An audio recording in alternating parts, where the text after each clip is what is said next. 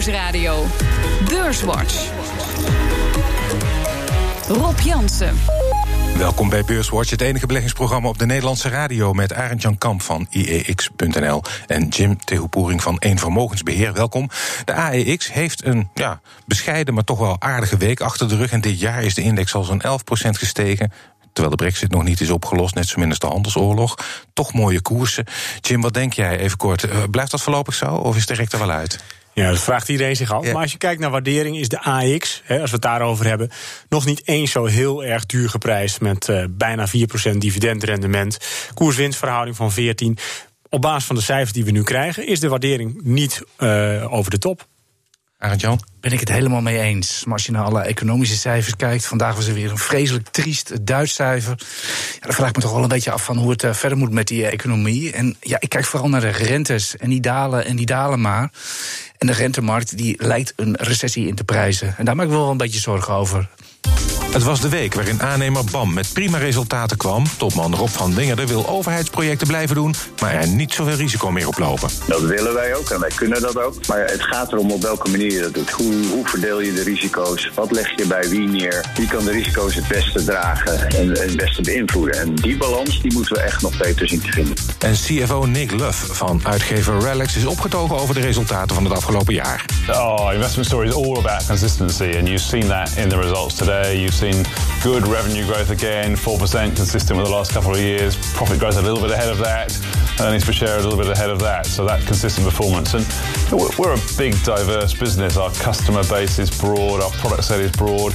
En het was de week waarin Pieter Elbers zijn contract bij KLM wist te verlengen met vier jaar. Ik denk dat er twee kanten altijd aan dezelfde medaille zitten. De ene kant is uh, Air France greep op KLM verstevigd. Ik denk overigens dat dat wel meevalt in, uh, in wat dat in de praktijk betekent. Uh, aan de andere kant hebben we natuurlijk nieuwe CEO-committee. Daarin zit KLM nadrukkelijk aan tafel, de CEO van KLM. Ja, de kou uh, is in ieder geval eventjes uh, uit de lucht. Elpers mag dus blijven, maar Ben Smith, uh, de topman van de holding... die vergroot wel zijn greep op het bedrijf. ja, KLM... Niettemin is nog steeds het sterkste onderdeel. Wederom komt het leeuwendeel van de winst van KLM. Um, Jim, als je kijkt naar het compromis dat nu is bereikt. Aan de ene kant Elbers mag blijven, uh, maar wel meer greep uh, van de holding op het bedrijf. Denk je dat dat goed is op de lange termijn? Nou, wat je uiteindelijk ziet is natuurlijk dat er uh, gelden vanuit de Nederlandse winsten afvloeien naar het Parijse hoofdkantoor.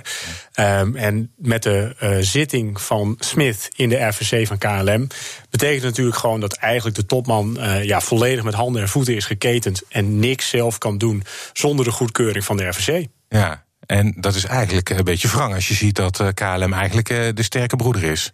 Ja, als je kijkt naar de cijfers, 2018, uh, KLM die verdiende 1,1 miljard operationeel resultaat. Uh, in Frankrijk bleef dat met meer omzet steken op ongeveer 250 miljoen. Ja. ja in het vierde kwartaal waren de Fransen zelfs verliesgevend en boekte uh, KLM nog steeds goede winsten. Dus ja, het is wel duidelijk waar het geld wordt verdiend mm. en ook waar het wordt uitgegeven. Mm. Knaagt dat aan jouw oranje gevoel, Jan? Ja, ik wil wel zeggen, je moet even een oranje bril en een beleggersbril, denk ik, heel goed gescheiden houden. Als, ja. als, met de oranje bril, ik ben het met Jim eens, dan kijk je knarsen tanden inderdaad van uh, KLM verdient te knaken. En bij de Fransen maken ze op, om maar populair te zeggen. Maar als je puur kijkt als belegger, ja, dat is één kapitein op het schip wel zo prettig. En uh, ik wil niet zeggen dat meneer Smith, uh, Ben Smith, die daar nou CEO's bij Frans, nou beter is dan Pieter Elbers of wat dan ook. Maar gewoon één ja, één gezagvoerder achter de knuppel, maar maar in, uh, in Frans KLM-termen te houden, lijkt mij voor het bedrijf en voor, de, voor het aandeel lijkt mij dat veel beter. Ja. Ja, dat, dat ben ik wel eens met uh, Arend Jan. Uh, overigens denk ik, hè, voor het aandeel is het beter. Uh, KLM, Air France heeft, uh, of Air France KLM moet ik zeggen, heeft beleggers over weinig gebracht de afgelopen jaren. Volgens mij sinds de fusie is de aandeel niet van zijn plek gekomen. Ja, wel omhoog gegaan, maar even hard weer naar beneden. Ja. En er wordt al jarenlang geen dividend uitgekeerd. Exact. Je beurt, je beurt geen dividend. Verbrand alleen maar geld. Helemaal niks. Ja. ja. 6 miljard schuld inmiddels. Ja, ja en dan is de vraag: aan de ene kant uh, zie je dat uh, maatschappijen die uh, net als KLM nationale, kleine nationale maatschappijen waren en niet zijn gefuseerd, Austrian, Swiss, die zijn allemaal ten onder gegaan. Dus aan de ene kant, ja, ze hebben Air France ook nodig. Ja, dat klopt. Het is een uh, race to the bottom. Uh, en daarbij zijn al die luchtvaartmaatschappijen heel erg afhankelijk van de brandstofprijzen. Dus ja, ik brand mijn vingers er liever niet aan. Het maakt me niet uit uh, welke luchtvaartmaatschappij, maar in die end ja. ja. hebben ze allemaal nogal schommelende resultaten. Ja. Ja, ja, wat dat betreft kun je dit jaar voor de Air France KLM eigenlijk ook alweer afschrijven. Want ze gaan uit van iets van 650 miljoen extra brandstofkosten. Ja. Nou Ja, je noemde al even de winst. Eh, Ik zou zeggen, doe de math eh, thuis. Er blijft niet veel over. Ja. En sowieso, ze hebben natuurlijk een recordjaar gehad. Meer dan 100 miljoen passagiers. Fantastisch. 26,5 miljard omzet, dat is veel geld. En dan boeken ze dan 384 miljoen winst over.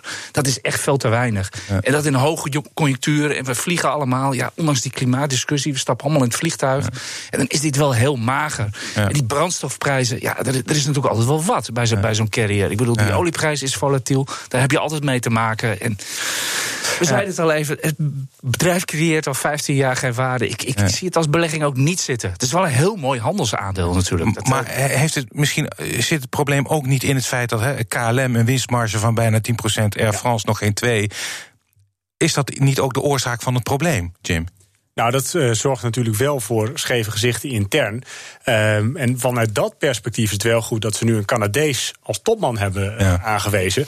Die niet met nationalistische gevoelens, al, hoewel zijn Frans natuurlijk wel goed zal zijn, eh, naar het bedrijf kijkt. Ehm, maar ja, dat gaat, gaat altijd voor scheve gezichten zorgen. Als de Ja. een het geld verdient en de ander het uitgeeft, om het even plat te zeggen. More to come waarschijnlijk. Ehm, Zeker.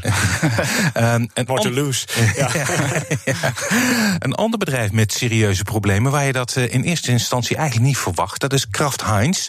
Er is 15,4 miljard dollar afgeschreven op de waarde van een aantal merken. En het dividend over 2018 wordt verlaagd van 2,5 dollar naar 1,60 dollar. Ehm, Dat valt nog mee. ja, maar eh, eerst even deze enorme afboeking. Had je dat zien aankomen? Eh, nee, helemaal niet. Ik sloeg mij eh, vanochtend mezelf ook voor mijn hoofd. Ik zat gisteren nog even naar de koersen te kijken. Of dat wil zeggen, ik wist dat de cijfers van Galapagos aankwamen. Ja. Kraft Heinz werd inderdaad ook genoemd. Maar ja, dat is meestal een hamerstuk. Nou, had ik toch maar even gekeken. Dus van het was, was niet mis. Inderdaad, Kraft Heinz. Echt hele slechte cijfers. Ze moeten 15 miljard afschrijven op hun merken. En dat zijn al niet van die hele geweldige merken. Ze hebben veel minder een portefeuille dan bijvoorbeeld Unilever of Nestlé. Ja, en ook de SEC komt op bezoek. De SEC is de Amerikaanse toezichthouder.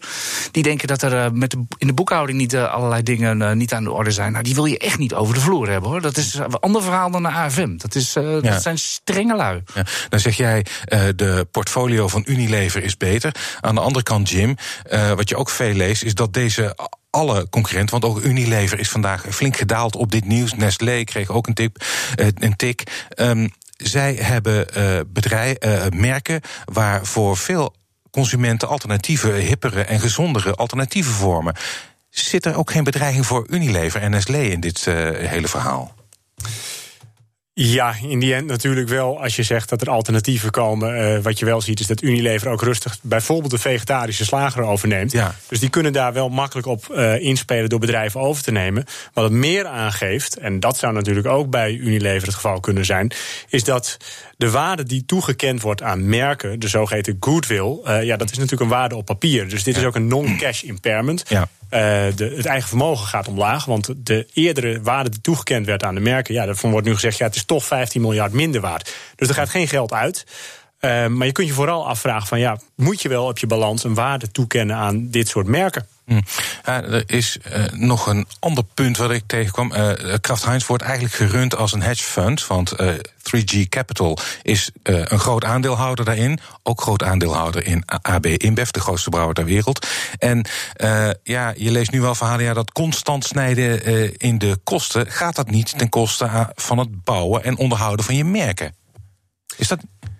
Ja, wat alleen natuurlijk wel zo is, als je het hebt over het bouwen van merken. eh, wat je ziet in de, de, de omzet bijvoorbeeld van de Kraft Heinz. Ja, die groeit al jaren niet. Die is eh, heel constant. Het lijkt wat dat er gaat ook echt een waardeaandeel wat dividend geeft. En dat kan in de toekomst ook echt wel nog zo zijn. Dus echte groei is er al tijden niet. Wat overigens wel zo is als je het hebt over een hedge fund.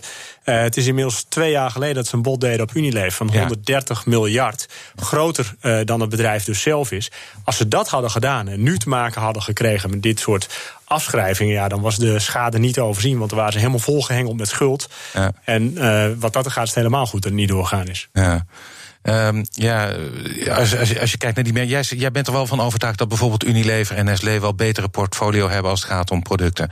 Bijvoorbeeld? Ja, ze hebben, ze, hebben, ze hebben eh, ten eerste een mooi merk. En Jim noemde het al even. Unilever is wat dat betreft... eh, iedereen staat eigenlijk te wachten jarenlang van... wanneer gaat Unilever nou die grote overname doen? Die hebben ze niet gedaan. Maar ze zijn wel aan het kralenrij geslaan. Ze hebben Horlicks overgenomen voor 2 miljard.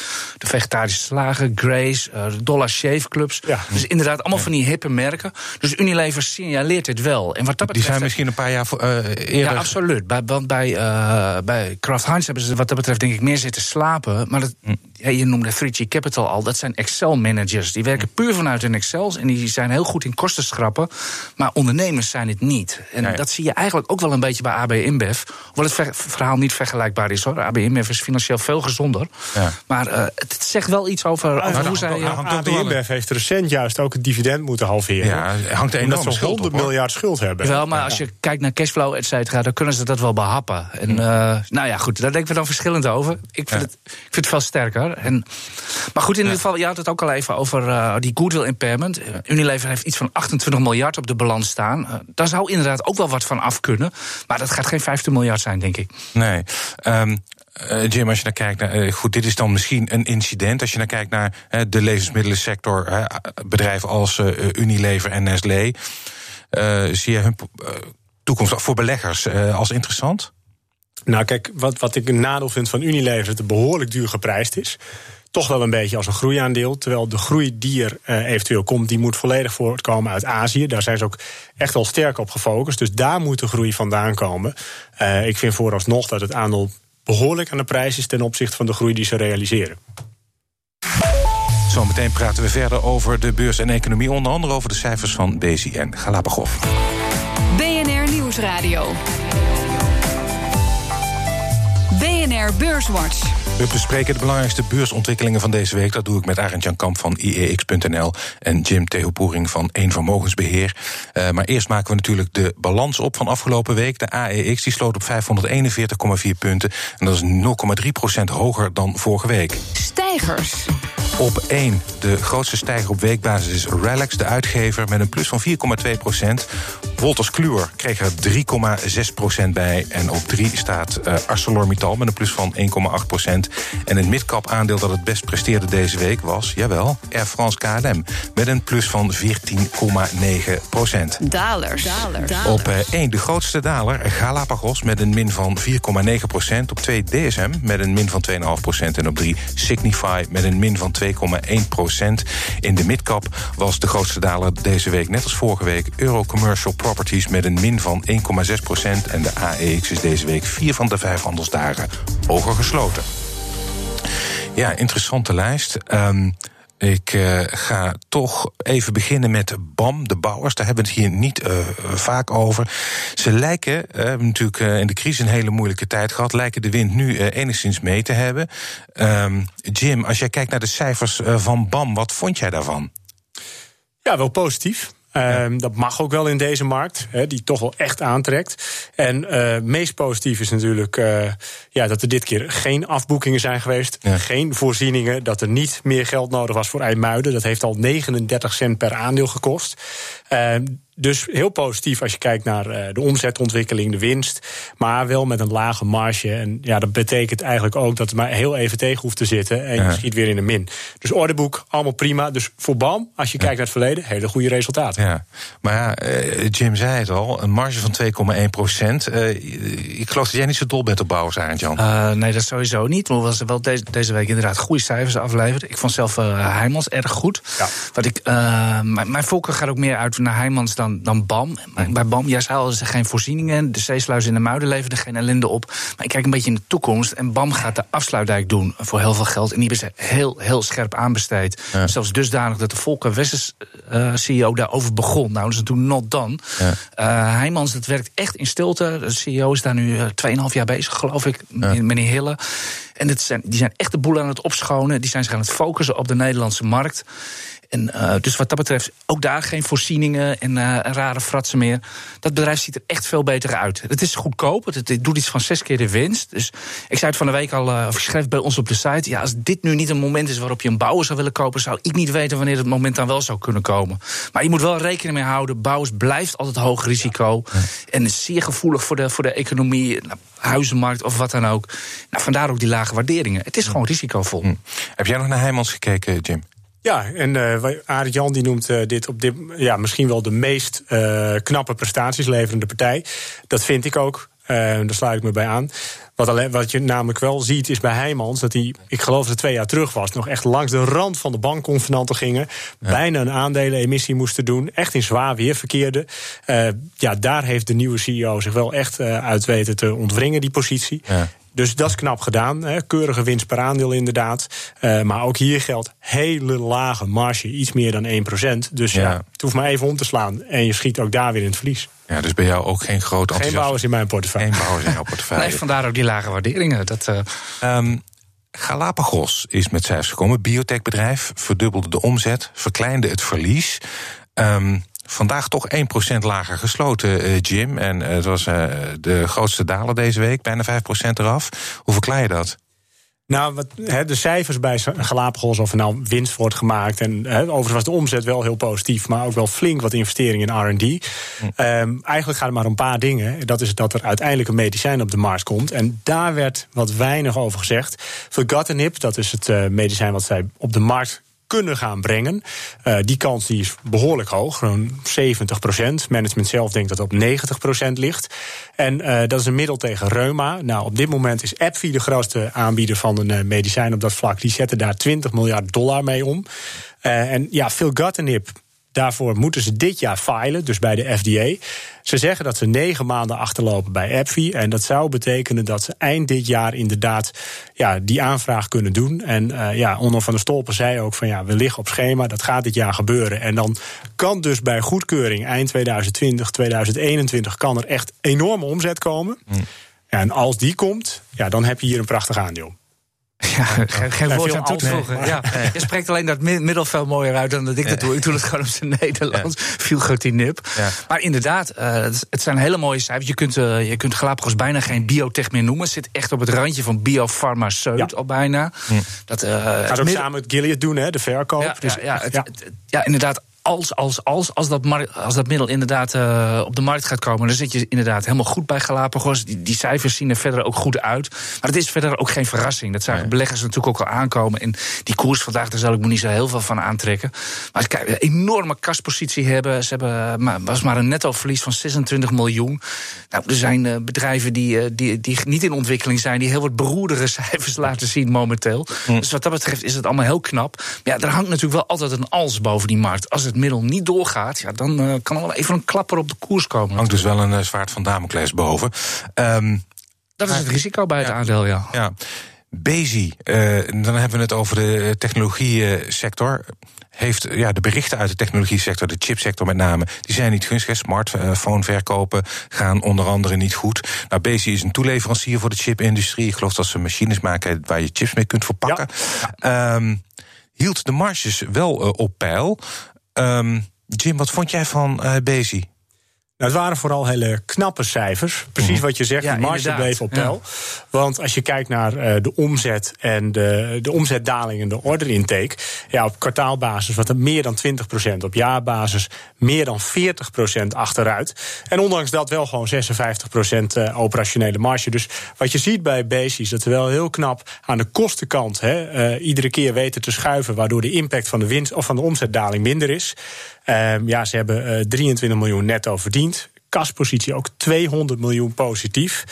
Um, maar naar de toekomst toe zijn ze ook voorzichtig. Komend kwartaal weer 15% minder. Ja. Dus dat is traditioneel zwak. Wat ze echt zeggen inderdaad van ja, we zien de komende tijd vanuit de mobile market uh, wel een uh, dalende vraag. Maar ze zijn wel positief naar de toekomst. 5G moet hun veel gaan brengen. Dus hele knappe cijfers. Mm. Ze zitten nu even wel in een wat moeilijkere periode vanwege de marktomstandigheden. Dat is mm. overigens typerend voor Bezi. Dat mm. is echt, uh, die leveren back-end machines en zijn daardoor heel marktgevoelig. Ja.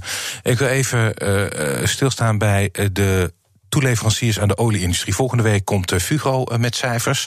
Um, Fugro heeft, is dit jaar al 30% gestegen. SBM Offshore uh, 29%. Um, wat zijn jouw verwachtingen voor Fugro? Hoe kijk je naar de sector? Als ik dat zou weten, dan had ik al positie ingenomen. Inderdaad, maandagochtend komt Fugro met cijfers. En dat is echt een van de spannendste aandelen op de, op de Nederlandse beurs momenteel. Uh, ja. Het draait echt uh, om de outlook. Ja. Want inderdaad, Fugro heeft eerder aangegeven... ja, de, de markt, het is een bodemonderzoeker. Ze zijn zeer afhankelijk van de olie- en gasindustrie. Ja, de markt trekt al aan. Daar willen we nog heel graag bevestiging van zien, uh, mm. van zien maandag. Mm. Ja, hoe kiele kiele het is, dat blijkt wel uit, uh, uit de enorme shortposities... die uitstaan uh, op het aandeel. Dat is ja. bijna 20 procent. Daar moet ik wel bij aanmerken dat er... Het is een beetje technisch, er staat nog een converteerbare obligatie tegenover. Dus, nou ja, goed, dat is een heel verhaal, maar... Het is echt wel spannend. Ja, ben jij ook zo nieuwsgierig, Jim? Ja, dat is een nieuwe CEO. Uh, Mark Heijnen heet hij, geloof ik. Ja. Ja, dat is, dat is ook zoiets daar, die continu bestuurswisselingen ja. bij, uh, bij, bij Fugro. Want het was vorig jaar de nieuwe CEO, die heeft maar na een half jaar was hij alweer weg. Ja, was een Noor. We weten ja. ook niet waarom. En. Maar goed, vertel. Nou, die, de, de, huidige CEO die komt echt vanuit Fugro zelf, werkt daar ook al tijden. Uh, en hij heeft een uh, strategisch plan gelanceerd tijdens de Capital Markets Day. En dat snijdt echt wel hout. En wat je ziet is dat bij Fugro die oude opdrachten met nul of negatieve marge om maar aan het werk te blijven, die lopen langzaam uit de boeken. Hm. En ze gaan nu dus ook weer positieve marges draaien. Hm. Ja, hij schermt zelf met een hele positieve EBITDA. Nou, als je in het midden gaat zitten, dan kom je in 2021 uit op 2 euro per aandeel. Ja, hè, uh, als je daar een multiple op plakt, het aandeel kan dan ook echt wel naar 20. Ja, ja, het klinkt misschien heel gek voor een aandeel op een tientje, maar als hij doet wat hij belooft, kan het aandeel verdubbelen. Ja, en de olieprijs uh, zit weer een tijdje in de lift. Ja, dat is misschien het allerbelangrijkste inderdaad. Hè. Er komen gewoon nu meer opdrachten. Hè. Als je nu kijkt naar uh, crude, vijf weken op rij stijging, dat is gunstig voor zowel SBM als Fugro. En die kunnen nu weer nieuwe orders aannemen met marge. Ja. We zijn alweer bijna aan het einde van de uitzending. En dat betekent dat het tijd is voor de tip. Arend Jan, wat is jouw tip voor de belegger deze week? Ja, ik, zei de, ik zei aan het begin van de uitzending al dat ik een beetje voorzichtig ben. Ik vertrouw het niet. Ik, mm. ik, ik, de Ajax laat een prachtige rally zien. Ja. Ik wil weten, uh, ik, ben een, ik ben een beetje bang dat het een sokkerrally is. De rentemarkten die zijn niet goed. De economische cijfers zijn niet goed. Ik zou een heel voorzichtig aandeel willen, willen nemen. Mm. Een defensief aandeel. Dat is wel frappant. Uh, uh, ING zet vandaag Unibel Rodamco van 255 euro op 148. Enorme downgrade van bijna hold. Ja. Ik zou zeggen, als u de markt net als ik uh, dat is echt een tip voor zeg maar, de komende maanden. Zeg maar. Als u de markt niet vertrouwt, koop dan Unibel Rodamco. Daar hoeft u echt niks van te verwachten. Geen swingende cijfers of wat dan ook. Maar u beurt gewoon 7,5% dividendrendement. Ik zou zeggen, pak dat maar lekker mee. Ja, een mooie tip voor de komende jaren, denk ik zelfs wel. Ja. Okay. ja. Kijk eens aan. Maar je hebt een andere tip, uh, Jim. Ja, die is voor de komende maanden. ja, dat is ook helemaal niet defensief. Ja, tromgeroffel. Ja, dat is uh, een bedrijf dat maandag ook met cijfers komt. En ja. dat is uh, PostNL. Natuurlijk een aandeel wat het dramatisch heeft gedaan de afgelopen jaren. Ja, ik denk dan dying business. Is het ook, maar de pakketpost niet. Nee, uh, dus uh, ja, de gewone brievenbuspost, dat gaat over. Um, ja, bij PostNL moet flink nog kosten gesneden worden. Ze moeten nog onderdelen verkopen. Mogelijk misschien cent gaan overnemen. Of daarmee fuseren, zoals het dan altijd mooi wordt genoemd. Is dat niet de crux bij dit aandeel, Jim, ja. die overname van cent? Ja, en de verkopen en de verdere kostenbesparing. Nou, als hun operationeel resultaat uitkomt ja, hebben ze gezegd tussen 160 en 190 miljoen. Als het aan de bovenkant is, is heel positief. Dividend zou wel eens 24 cent per aandeel kunnen worden. Dan heb je dus over 10% dividendrendement. En ja, als ze weer naar 30, 40 cent winst per aandeel terugkeren, dan moet dat aandeel, ja, kan net als Fugro wel verdubbelen. Oké. Okay. Als. Oké. Okay. PostNL en Unibuy uh, Rodamco. Hartelijk dank. Arend Jan Kamp van EX.nl en Jim Tegelpoering van Eén Vermogensbeheer. Dit was BNR Beurswatch. Als u wilt reageren, dan kunt u een mail sturen naar beurswatch.bnr.nl of tweeten naar Rob Jansenbeurs. Terugluisteren, dat kan via de site, de app, iTunes of Spotify. En graag tot volgende week.